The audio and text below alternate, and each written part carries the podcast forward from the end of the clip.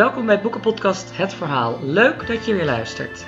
Mijn naam is Monique Huiding en ik ga praten met Frank Heijnen over zijn debuutroman De Zaak Tom. Frank Heijnen ontving voor het eerste wielerverhaal dat hij schreef in 2009 de Hartgasprijs voor beste sportjournalistiek. En sindsdien schreef hij honderden sportcolumns voor HP De Tijd en verhalen, interviews, artikelen, columns en recensies voor onder meer de Volkskrant, waar hij nu ook tv-recensies voor schrijft. Uh, van hem verschenen al eerder boeken, bijvoorbeeld over wielrennen zoals Uit Koers, 106 korte verhalen over bijzondere wielerlevens en De Kleine Heine, zakwoordenboek voor iedereen die wel eens koers kijkt. En nu is er dus de eerste roman. Welkom Frank. Dankjewel, dankjewel. Hoe lang heb je tegen deze roman aangehikt? Nou ja, aangehikt. Uh, uh, dat, dat, nou ja, goed, dat, dat klopt wel een beetje. Uh, nou, ik, eigenlijk was het al heel lang een wens en een droom en een ambitie de, in die ontwikkeling, zeg maar. om, dat, om dat een keer te doen. Eigenlijk vanaf, nou, je zei over die, dat hartgras, die hartgrasprijs, dat was in 2009. Eigenlijk was die, de droom en de wens was er misschien toen al. Ik dus studeerde, studeerde zelfs nog? Ik studeerde Nederlands toen, mijn tweede of derde jaar was dat. Uh, en toen, ik, ik, las al jaren heel veel, maar toen, nou, werd het allemaal wat concreter. Uh, ook met schrijven. Ik schreef voor, wat, uh, voor wat universiteitsblaadjes en ging wat fictie proberen. En mensen vonden dat mooi, allemaal nog in een heel kleine kring. Ehm, en toen lukte dat opeens met die hartgasprijs. Dat was echt uit het niets. En dat, dat was ook mijn eerste sportverhaal. En eerste verhaal waar ik voor betaald kreeg. En, en, en dus meteen zo bekroond werd.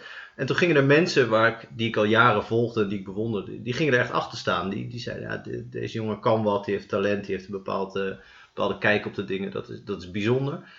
En daar krijg je natuurlijk een soort, soort uh, zelfvertrouwen van dat, dat je misschien wel nodig hebt om, uh, om aan zoiets te beginnen. En wat, wat niet uit mezelf komt. Sommige mensen hebben dat van nature. En bij mij, ik had daar wel wat aanmoedigingen, wat enthousiasme voor nodig van buitenaf. En dat kwam dus toen eigenlijk. Dus vanaf dat moment dacht ik, ah, misschien kan ik dat ook wel als andere mensen dat, mij dat toevertrouwen. En toen kwamen er ook uitgevers die wilden natuurlijk weten wat mijn plannen waren. Want die zijn altijd op zoek naar nieuwe mensen, zeker als ze jong zijn. Uh, dus nou ja, toen dacht ik, ja, als al deze mensen dat zien zitten, dan misschien, misschien is dat inderdaad wel iets wat ik, wat ik moet kunnen. Nou ja, goed, jaren alsnog het niet gedaan. En, en oh, ik schreef op een gegeven moment dagelijkse columns voor HP De Tijd. Dat heb ik twee jaar gedaan, zes keer per week voor de website. Dat was toen min of meer mijn bestaan. Toen studeerde ik af en toen had ik meteen een soort van vast inkomen. En na twee jaar dacht ik, nou, het was een geweldig project en een geweldig experiment ook wel. Maar de, de kans dat ik nu in herhaling ga vallen, of misschien al langzaam in herhaling aan het vallen ben, is heel groot. Je moet toch weer mee ophouden. Ik heb bewezen dat dit mogelijk is en dat vond ik hartstikke tof.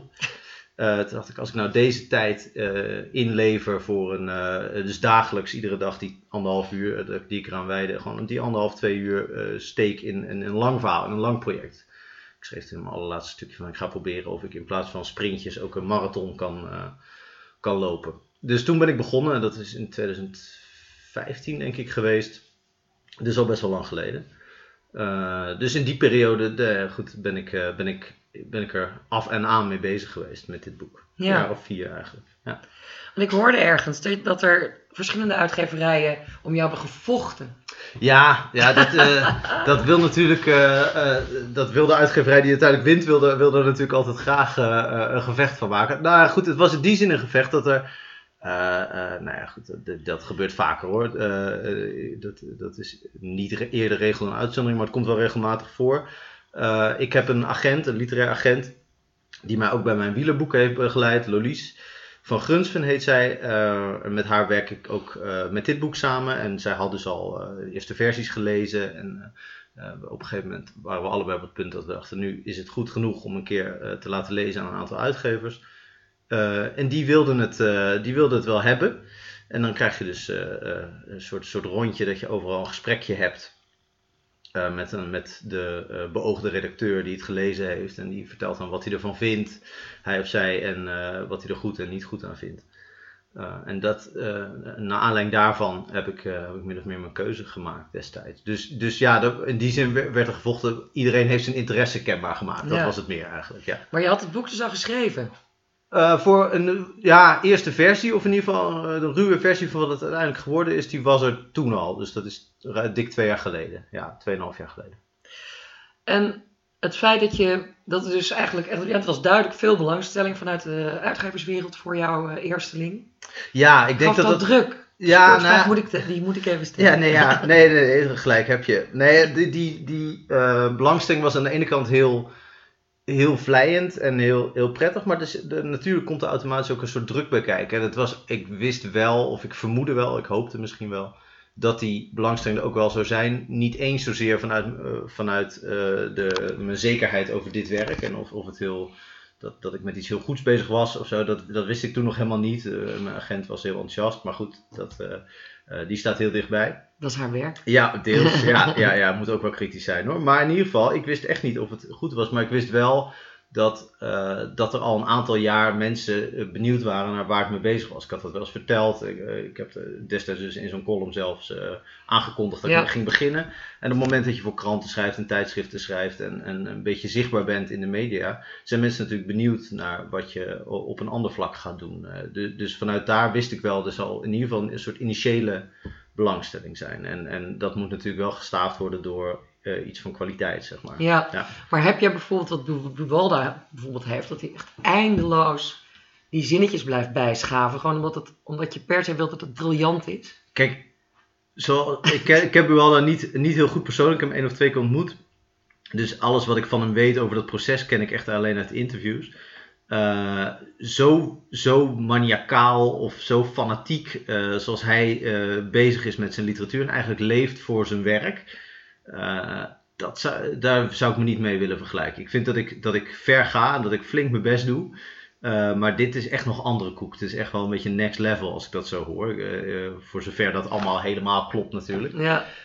maar ik, ben, ik heb er wel natuurlijk, dus het feit dat ik twee, tweeënhalf jaar geleden al iets had, wat al zeker nou, consistent, hoe het? Uh, nou, dat was eigenlijk al een, een af verhaal. En ik dacht, oh, nee, ik wil pas een contract tekenen met een uitgeverij als ik denk van, nou, het is bijna, uh, het is een eind op weg, zodat niet meer, uh, zodat we geen afspraken maken over iets dat er nog niet is en misschien wel nooit komt. Ja. en toen heeft het dus nog vrij lang geduurd. Heb ik nog bijna 2,5 jaar daaraan gewerkt. Dus daaraan zou je kunnen aflezen dat ik in ieder geval wel ook uh, behoorlijk er wel aan heb zitten peuteren en heb zitten sleutelen. Ja, want er staan heel veel mooie zinnetjes in. Dankjewel, dankjewel. Nou, die, dat is... Uh, Echt heel veel. Ja, nou, daar ben ik heel blij om. Daar ben ik heel blij om. Dat is natuurlijk een van de, van de dingen die ik zelf... Dat, je probeert natuurlijk uiteindelijk een boek te schrijven dat je, dat je zelf zou willen lezen. En dat je zelf enthousiast van zou kunnen worden. En een van de dingen die ik heel belangrijk vind, is dat je af en toe even wordt opge, opge, ja. opgelift, zeg maar, door een, mooi door een mooi zinnetje of een vergelijking of een goed, een goed beeld of noem maar op. En dat uh, als het alleen maar dat is, is het natuurlijk veel decor en zit er niks achter. Maar ik vind het wel echt, uh, ik vind dat wel, die verfraaiing wel een wezenlijk onderdeel van een goed boek eigenlijk. Ja, maar dat vergt ook tijd en, en denkkracht. Ja, ja, en zeker of ook omdat ze er bij jou zo uit, die mooie beelden. Nee, ja, nee, dat zou ik nooit zeggen. Nee, nee, maar je moet, uh, misschien wel dat ik, ik, ik schrijf wel automatisch een beetje zo, maar, maar omdat op, op uh, nou ja, bijna 300 pagina's een beetje te doseren en de beste over te houden. En uh, ik merk ook dat ik bepaalde, dat merk je als je heel, een heel lang ding aan één stuk schrijft. Uh, dat je ook bepaalde maniertjes hebt, dus dat bepaalde mooie zinnetjes of mooie formuleringjes wel vaak terugkomen, weet je wel, waardoor ze opeens heel irritant ja, worden. Klopt, die moeten eruit. Die moeten eruit. En dat, dat, dus eigenlijk zat het sleutelen misschien nog meer daarin, om het echt, om de beste over te houden en, en inderdaad nog wat fijner te, fijner te slijpen. Zoals bij die columns, nou goed, daar heb je een deadline en dan moeten ze er meteen uit. En dan, zit, dan is het misschien wel eens too much of, of net niet helemaal scherp. Dat kan gebeuren, dat is gewoon de druk van de tijd. Uh, en hier had ik inderdaad de tijd om, uh, om, om geen genoegen te nemen met een 7 als een, uh, voor een zin, zeg maar. ja. ja, dan moest het wel, die, moesten, die mooie zinnen moesten ook echt goed. Ja, ja, ja, nou dat is heel goed gelukt. Fijn, dankjewel. Ik ga even voorlezen wat er op de achterflap staat, want ja. dan weet de luisteraar misschien, begint hij een beetje te begrijpen over welk soort verhaal we het eigenlijk ja. hebben. op de achterflap staat met de beste intenties besluit Bob Persoon zijn dove, zwijgende broer Tom uit diens zorginstelling weg te halen. Geholpen door Nina, een meisje uit de bibliotheek die hij dagelijks bezoekt, neemt Bob zijn broer mee op reis naar plekken uit hun jeugd. De roadtrip verandert al snel in een vlucht die in alle media onderwerp van gesprek wordt en een nationale woede ontketent. Terwijl Bob zich van geen kwaad bewust is. Dat staat op de achterflap. Ja, Hoe kwam je op dit idee? Eh, nou, het, het oorspronkelijke idee, eh, dat, dat, het is een vraag die me een paar keer is gesteld. En, en iedere keer moet ik weer even recapituleren van wat was nou eigenlijk het, oors- het Ja. oorspronkelijke ba- basisidee. Ik denk toch dat het, dat het allereerste idee was, ik, ik wist dat ik iets wilde doen met, met de, de thematiek die ook uiteindelijk in het boek heel nadrukkelijk wel naar voren komt. En zeker in het slot. Eh, namelijk, kun je iets doen voor iemand eh, eh, zonder daar zelf iets voor terug te verlangen. Dat, dat, is een, een thema dat me. eh, en er komen allerlei andere dingen ook nog wel aan bod. Maar dat was misschien wel het eerste idee van, van hoe werkt dat eigenlijk? En met welke, welke intenties doen we de dingen die we doen? Dus op het moment dat je iets, iets eh, goeds doet voor iemand of je wil iets betekenen voor iemand, in hoeverre beteken je dan ook iets voor jezelf? En kun je, dat, kun je jezelf als het ware uitgummen uit die Ja. transactie? Onbaatzuchtigheid. Onbaatzuchtigheid, ja, ja besta- bestaat dat en in hoeverre is dat ook nodig dat het bestaat? Hebben we niet al, en zeker eh, hebben we die transactie, die wisselwerking niet altijd nodig om, eh, om sociaal, eh, sociaal te leven? En dat probeerde ik, en, en toen kwam al snel het personage van Tom die, die niet in staat is eh, veel terug te geven. Dus die, die eh, als het ware in, door, zijn, eh, door zijn beperkingen gedwongen is om veel te nemen, als het ware. En dus dat betekent dat er ook mensen moet- moeten zijn aan de andere kant die heel veel aan hem geven zonder Ja, iets hij heeft veel zorg nodig. Hij heeft veel zorg nodig en ook, ook veel liefde die hij ook op de een of andere manier niet per se terug kan geven. In ieder geval niet in de manier, eh, niet in de meest voor de hand liggende manier. Maar had je eerst Tom?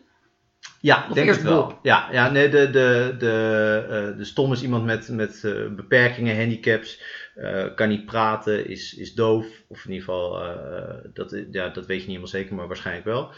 Ehm, dus heeft, heeft heel veel beperkingen. En ik wist dat ik over zo iemand eh, wilde schrijven. Dus en, dat, ik eh, vond dat ook wel spannend om te kijken, kun je iemand die eigenlijk niet kan spreken, eh, eh, een, een belangrijke stem geven in een roman Ja. eigenlijk. Dus dat- dat was ook wel een... eh, Was dat louter technisch of, of ken je ook zo iemand die, waar je verband mee hebt? eh, eh, beide, beide. Ik, ik, eh, ik, ik heb in mijn, eh, in mijn omgeving ook, eh, ook dat eh, eh, gezien. En, en ben ook wel in eh, instellingen geweest die, eh, die lijken op de instelling die wordt beschreven. Dit is natuurlijk een, eh, uiteraard een volstrekt eh, fictioneel, eh, fictioneel decor. Maar ik, ik eh, ben niet onbekend met, ja, met, met die plekken en ook niet met het...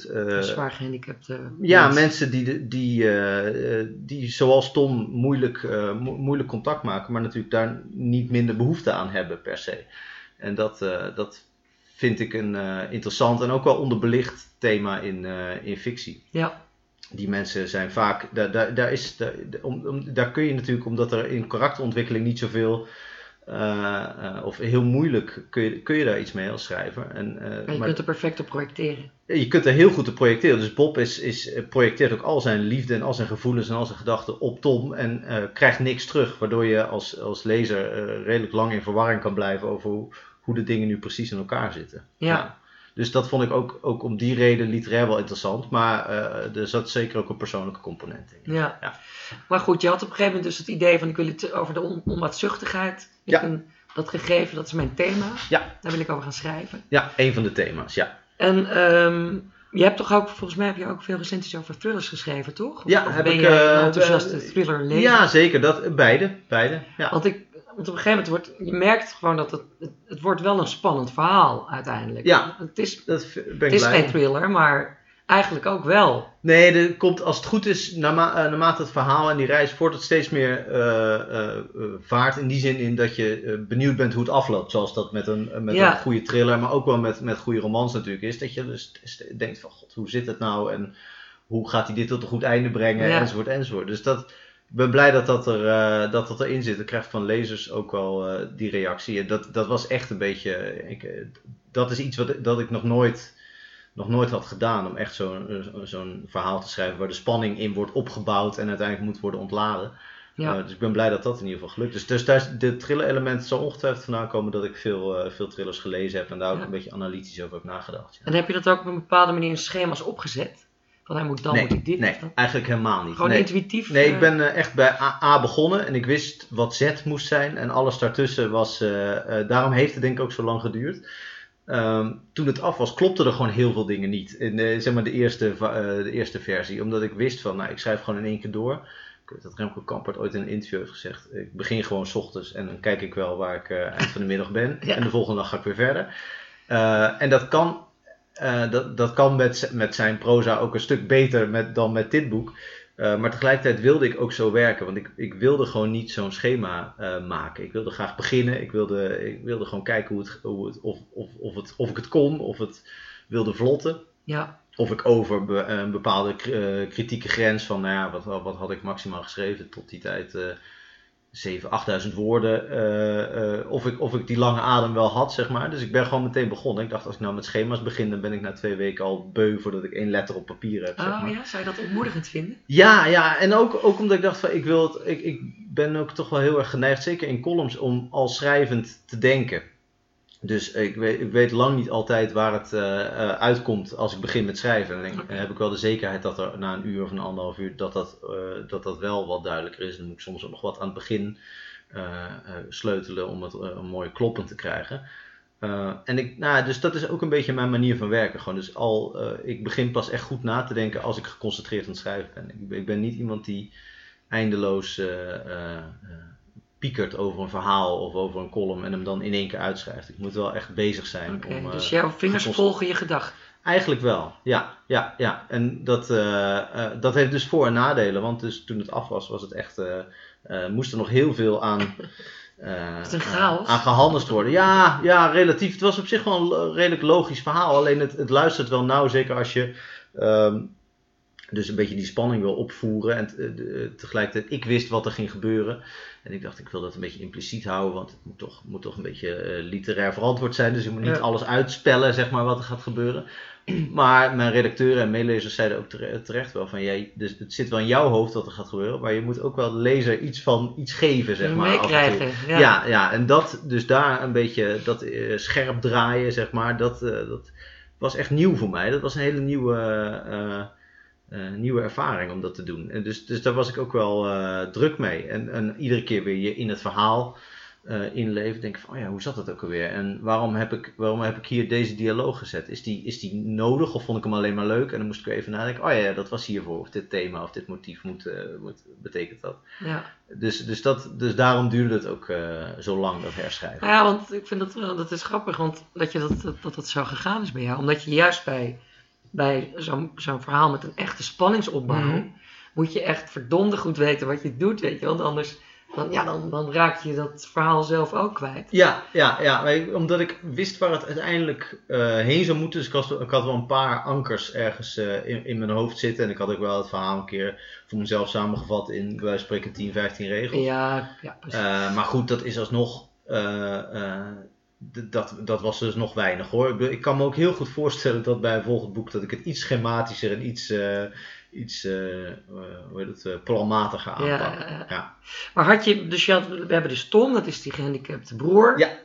Zijn alle, allebei denk ik rond de 40, 50 jaar of Iets, zo? iets ouder. Iets ouder. Ja, ik zou ze eind ja. 50. eh Oh ja, ze hebben, zijn in principe leeftijdloos, dus, dus ook niet erg als je dat eh ingezien hebt. Maar, ja, ik dacht zoiets 40, 50 jaar. ja, ja, Tom misschien iets jonger en, eh, en Bob iets ouder. Bob zou ik eind 50 eh, zeggen, misschien wel 60. En, eh, en Ja. Tom nou ja, rond de 50. En dan die Bob, dat, is, dat vond, ik ook, vond ik ook opmerkelijk. Die is heel erg rijk. Ja, ja. Waarom, waarom heb je hem zo rijk gemaakt?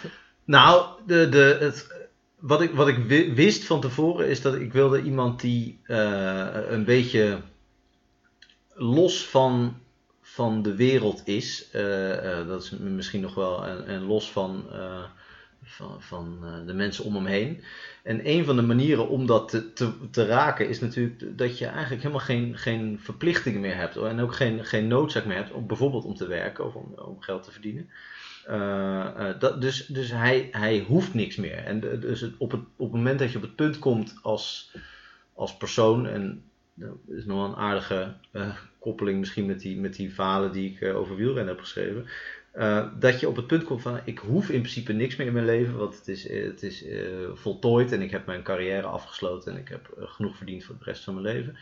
Dan kan er een soort bijna morele le- leegte volgen. Of in ieder geval een, leegte van, god, wat, wat, wat, hoe, hoe ga ik die opvullen?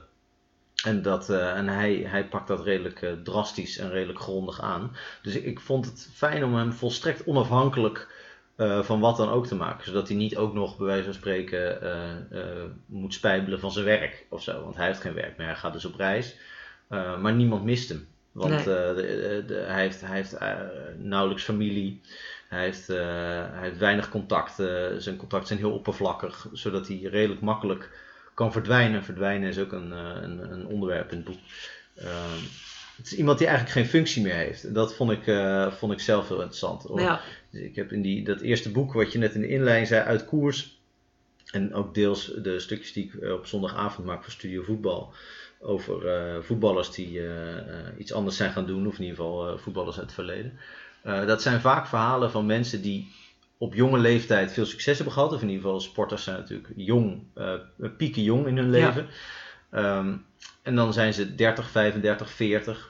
Eh, en en dan, dan strekt zich nog een, een heel tweede helft van je leven uit. een Eh, woestijn. een woestijn waarin eigenlijk alles een soort van eh, second best is wat je daarin kunt doen. En, en veel van die mensen halen het, het, het, het, dat al niet eens. En moeten echt zich in allerlei bochten wringen om, zich, om nog enige zin aan hun leven te geven. En bij sommigen die moeten nog geld verdienen, anderen niet. Maar in die zin, daar moest ik laatst aan denken. dacht ja, is, is Bob ook een beetje zo'n gepensioneerde wielrenner die, die als het ware Ja. opnieuw eh, zin moet geven aan zijn leven. Maar hij wil ook, eigenlijk wil hij weg. Het gaat over iemand die, die weg Ja, wil, die ja. wil verdwijnen. Ja, In mijn ja zeker. beleving. Nee, dat klopt. Ehm, was er ook, dat dacht ik terwijl ik het aan het lezen was, had je ook een soort idee van ik moet een bepaald probleem oplossen in, dit, in deze roman? Een Ehm. probleemstelling van dit moet.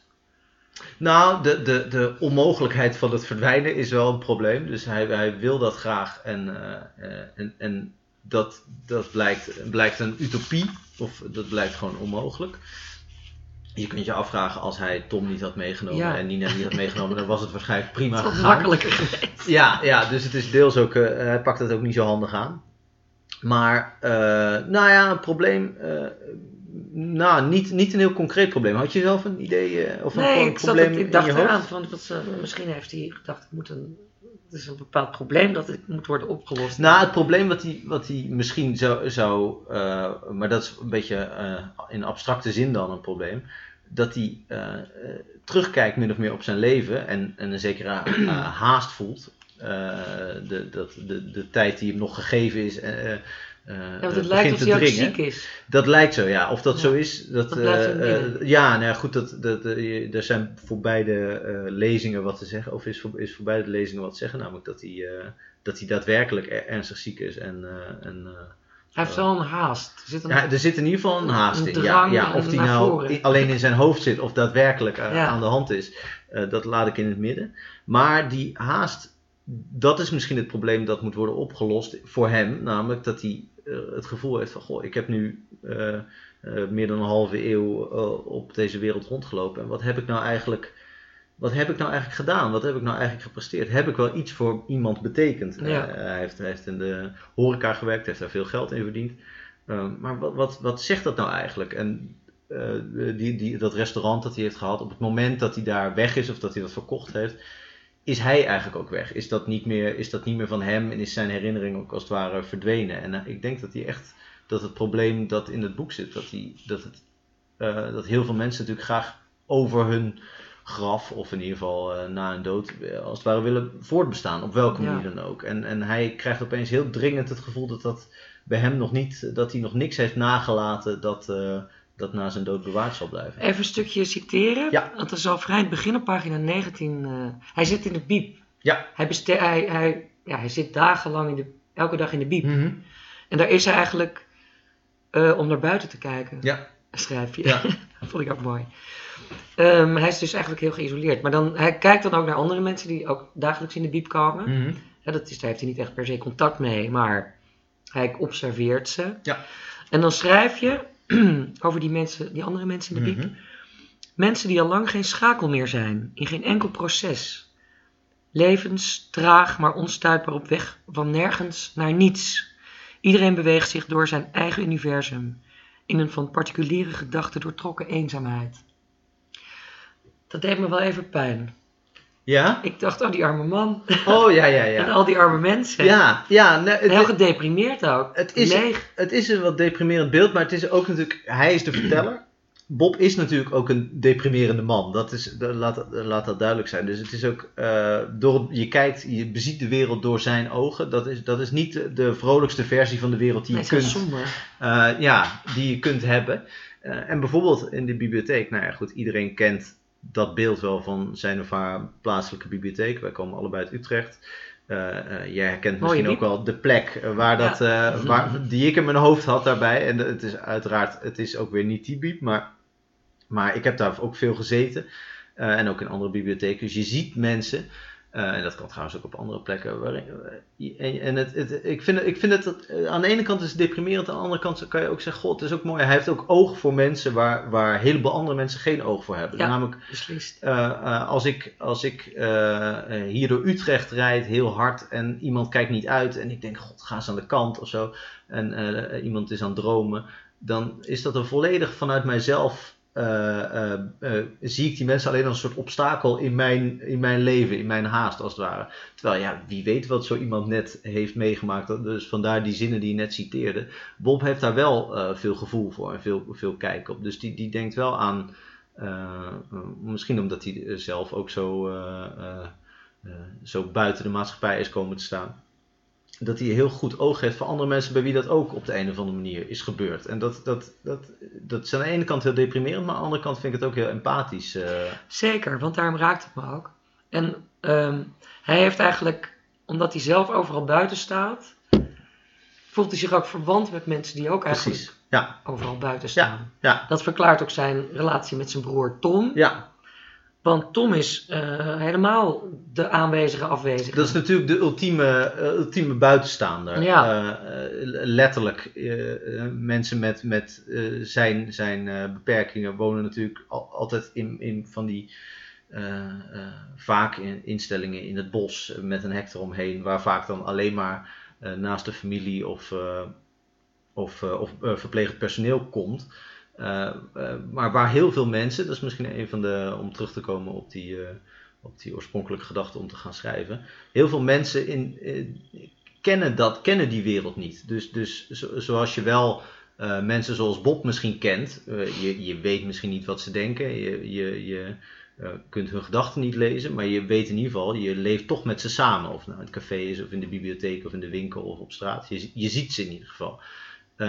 Mensen zoals Tom hoef je niet eens te zien. Je, kun, je kunt eh, behoorlijk oud worden in Nederland zonder eh, al te vaak in contact te komen met die mensen. Eh, en zeker niet om je in, in ze te verplaatsen. En dus daarom vond ik het ook mooi dat, dat Bob iemand is die daar wel oog en wel gevoel voor heeft. Ja, en zijn buitenstaanderschap is natuurlijk volstrekt niet te vergelijken met dat van Tom.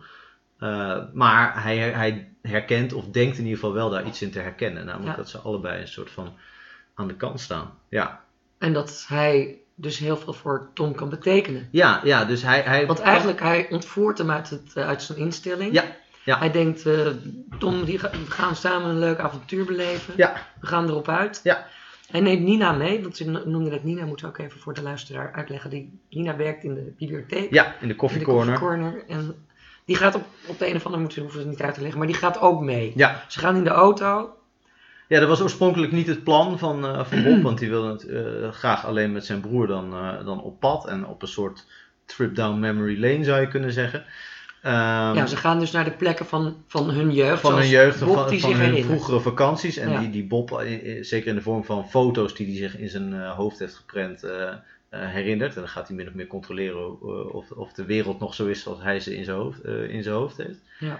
Eh, en Nina gaat mee en eh, eh, dat is eigenlijk een redelijk, redelijk plotselinge improvisatie van, van, van Bob, die ook gewoon een bepaald praktisch nut in zich heeft. En, en Nina is ook iemand die, zou je kunnen zeggen, weer op een heel andere manier ook een, een buitenstaander is. Eh, later zal blijken dat, ze, dat het allemaal niet zo wil vlotten, ook in haar leven, zeg maar. Zij is nog heel jong en zij, is nog, zij heeft nog heel veel kansen, maar wel iemand die al dan niet tijdelijk ook een beetje aan de kant eh, staat van het leven. En Die ook wel zin heeft om even weg te het, rennen. ze heeft ook wel zin in een verzetje, daar komt Ja, het ook wel ja, neer. ja. Had je haar ook meteen eh, erbij bedacht? je had natuurlijk wel iemand nodig naast deze twee broers. Ja, ja ik, ik, ik had gewoon ook uh, in praktische zin iemand nodig. En, en zeker ook, ik wilde ook heel graag iemand hebben met wie Bob kon praten.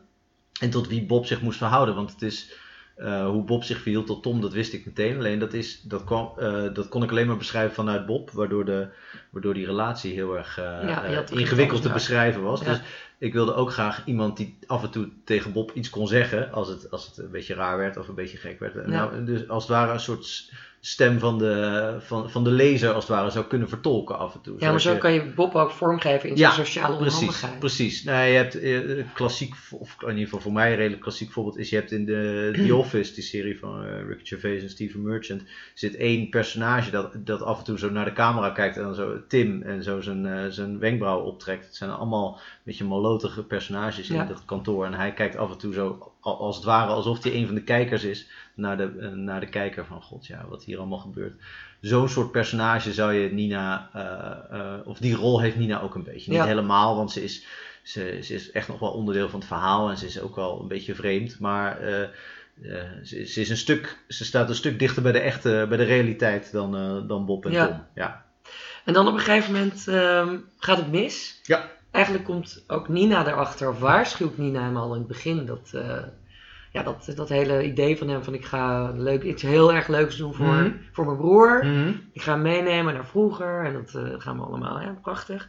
Dat wordt heel anders opgevat in de, in de omgeving. Ja, ja. Want er, er, er komt een soort mediastorm Ja, ja, die, brand er los. ja eigenlijk merk, maak je die pas op het laatst uh, in het slot van het boek helemaal mee. Maar die brandt natuurlijk al veel eerder los. Uh, Ja, daar, daar het maak komt je- een heel klein beetje steeds met kleine toefjes komt het via Nina binnen, want die kijkt nog op ja, de laptop en die zit en nog Bob, eh, en Bob, negeert dat. En, en of hij het nou niet, niet, niet begrijpt of niet wil begrijpen of zich er bewust eh, het gewoon negeert.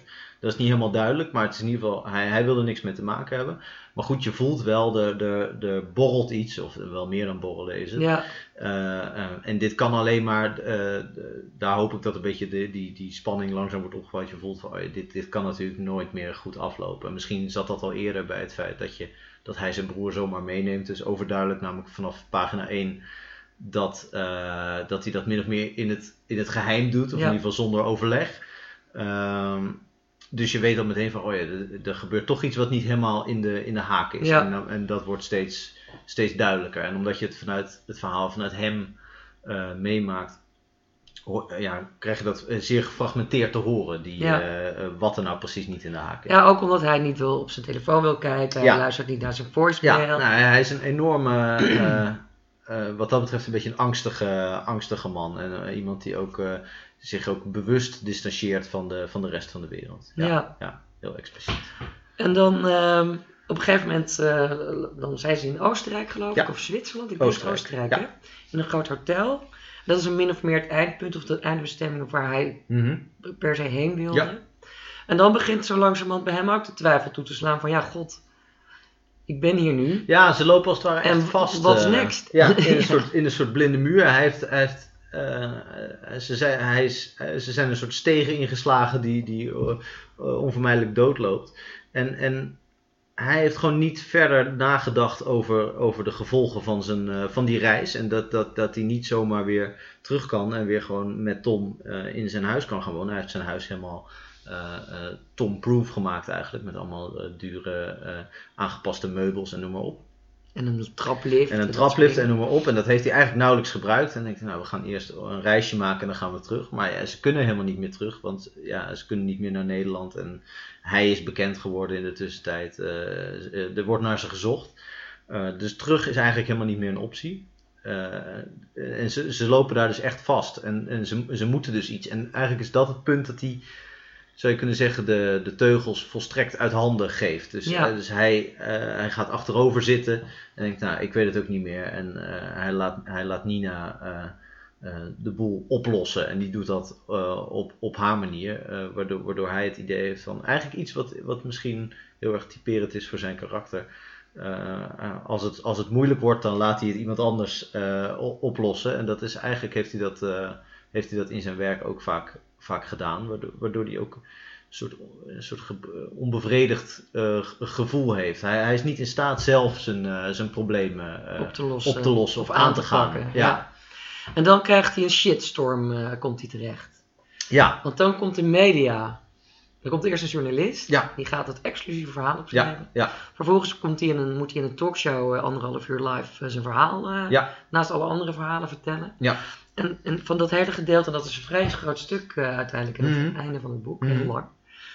Dacht ik, dat heb je, dat wilde je misschien toch ook een beetje, een beetje de media aanpakken, of in ieder geval de televisie.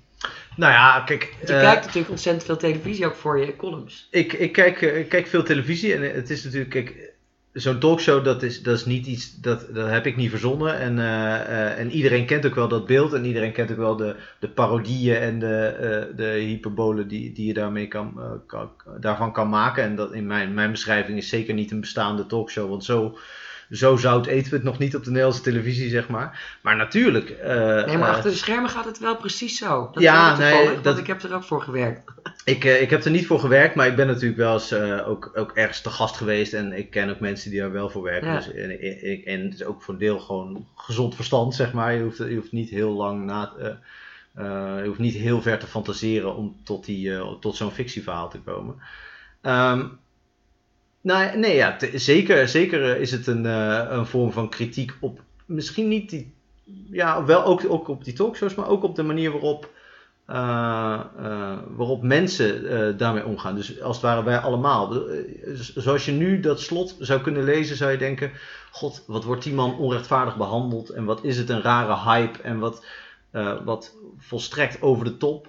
Maar eh, als je het hebt over nou, de afgelopen jaren een aantal gev- gevallen waarin vergelijkbare, en dat, dan heb je het niet alleen over ontvoering, nog wel ergere dingen, maar je hebt natuurlijk een aantal ook misdaadactualiteit die, die zo hoog oplopen in de media dat, dat, dat je denkt, ja, nu, nu zou alles kunnen. Nu kan je iedere talkshow live op zondagavond uitzenden en niemand vindt dat nog gek, omdat de, de, de opgefoktheid in Nederland dermate is dat eh, ja, er moet iemand. eh, er moet iemand hangen, zeg maar. En, eh, en, eh, en of dat nou beschaafd lynch- of onbeschaafd is bijna een lynchpartij. Ja, ja. En, en nogmaals, dat gebeurt niet heel vaak, maar je kunt je situaties voorstellen. Ik herinner me ooit Joran van der Sloot, is natuurlijk echt, eh, die werd verdacht van iets heel gruwelijks.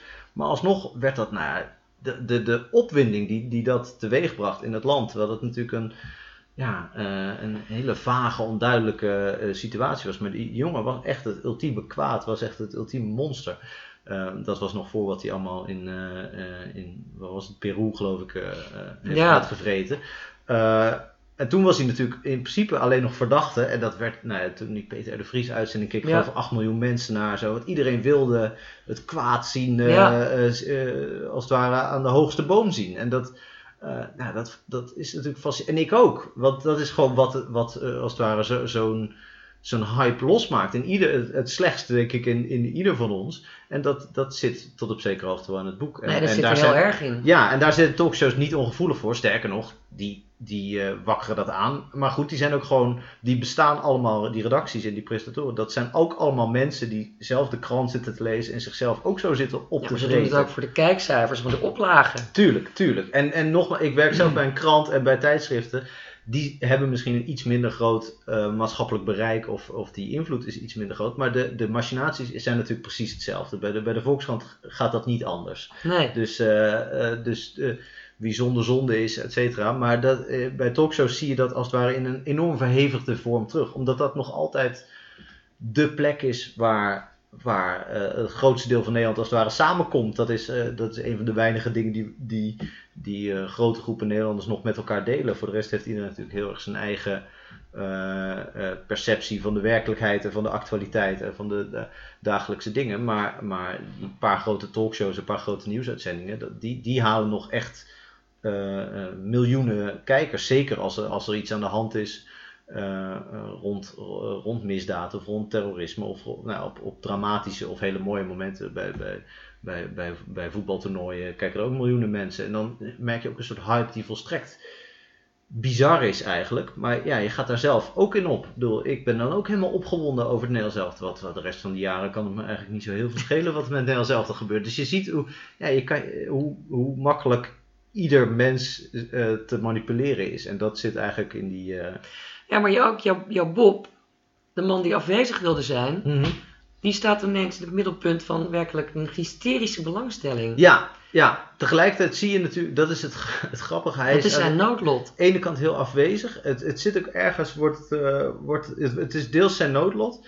eh, maar je ziet echt maar een heel klein deel van hem. Omdat hij natuurlijk helemaal wordt geperst in die mal van, eh, van wat zij van hem willen maken. Dat is, dat is natuurlijk klassiek voor televisieprogramma's. Die weten eigenlijk van tevoren al wat ze, wie jij bent en, eh, En welke antwoorden je en welke geven. antwoorden je dat moet gaan geven. Ja, ja.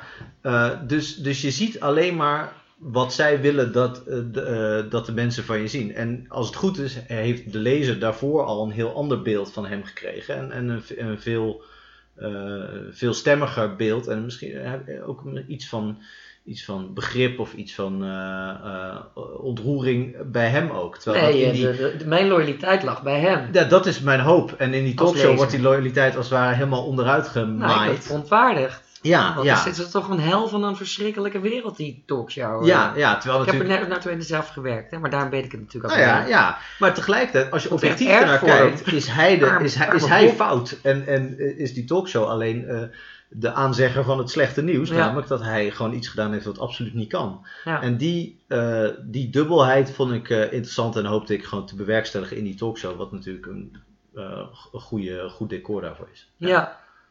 Nou ja, ehm, kijk, we, ik kreeg op een gegeven moment een soort van Six Sense-achtige... Dacht ik, oh god, wat, wat zou er... er is, ik ben helemaal op het verkeerde been gezet. Mhm.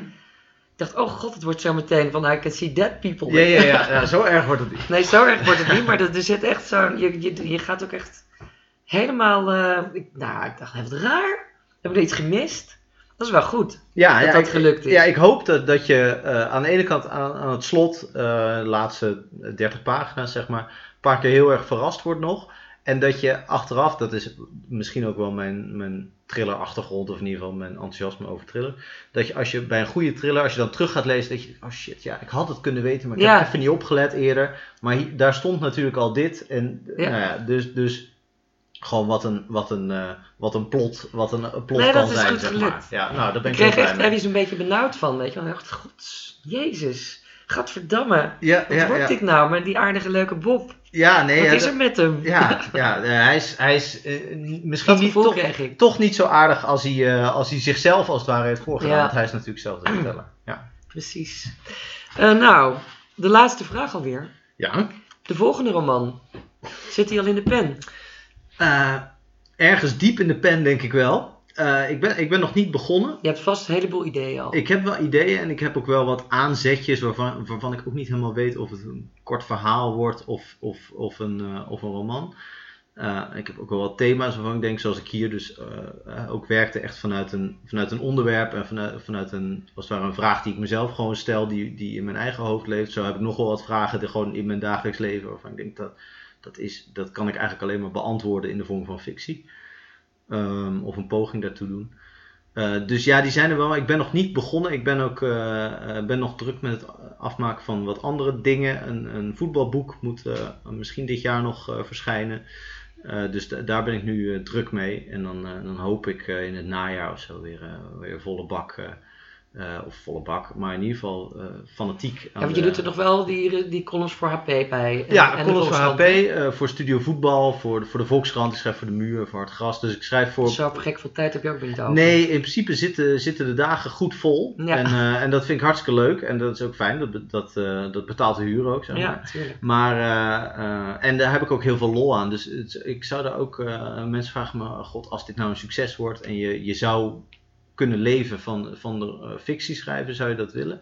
Dat is een lastige vraag. Ik vraag het me af, want ik vind de afwisseling van eh, iets, iets heel lang, heel lang ergens aan werken en ook de dynamiek van, eh, op maandagen schrijf ik altijd mijn HP-column, nou, die schrijf ik dan s ochtends vroeg en dan een half uur later staat die online.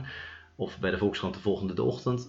Dat vind ik ook wel fijn. Ja. Dat je, de- Korte baan, lange baan, een beetje afwisselen. die afwisseling heb Ja. ik wel nodig. Ja. En misschien dat helpt elkaar ook misschien.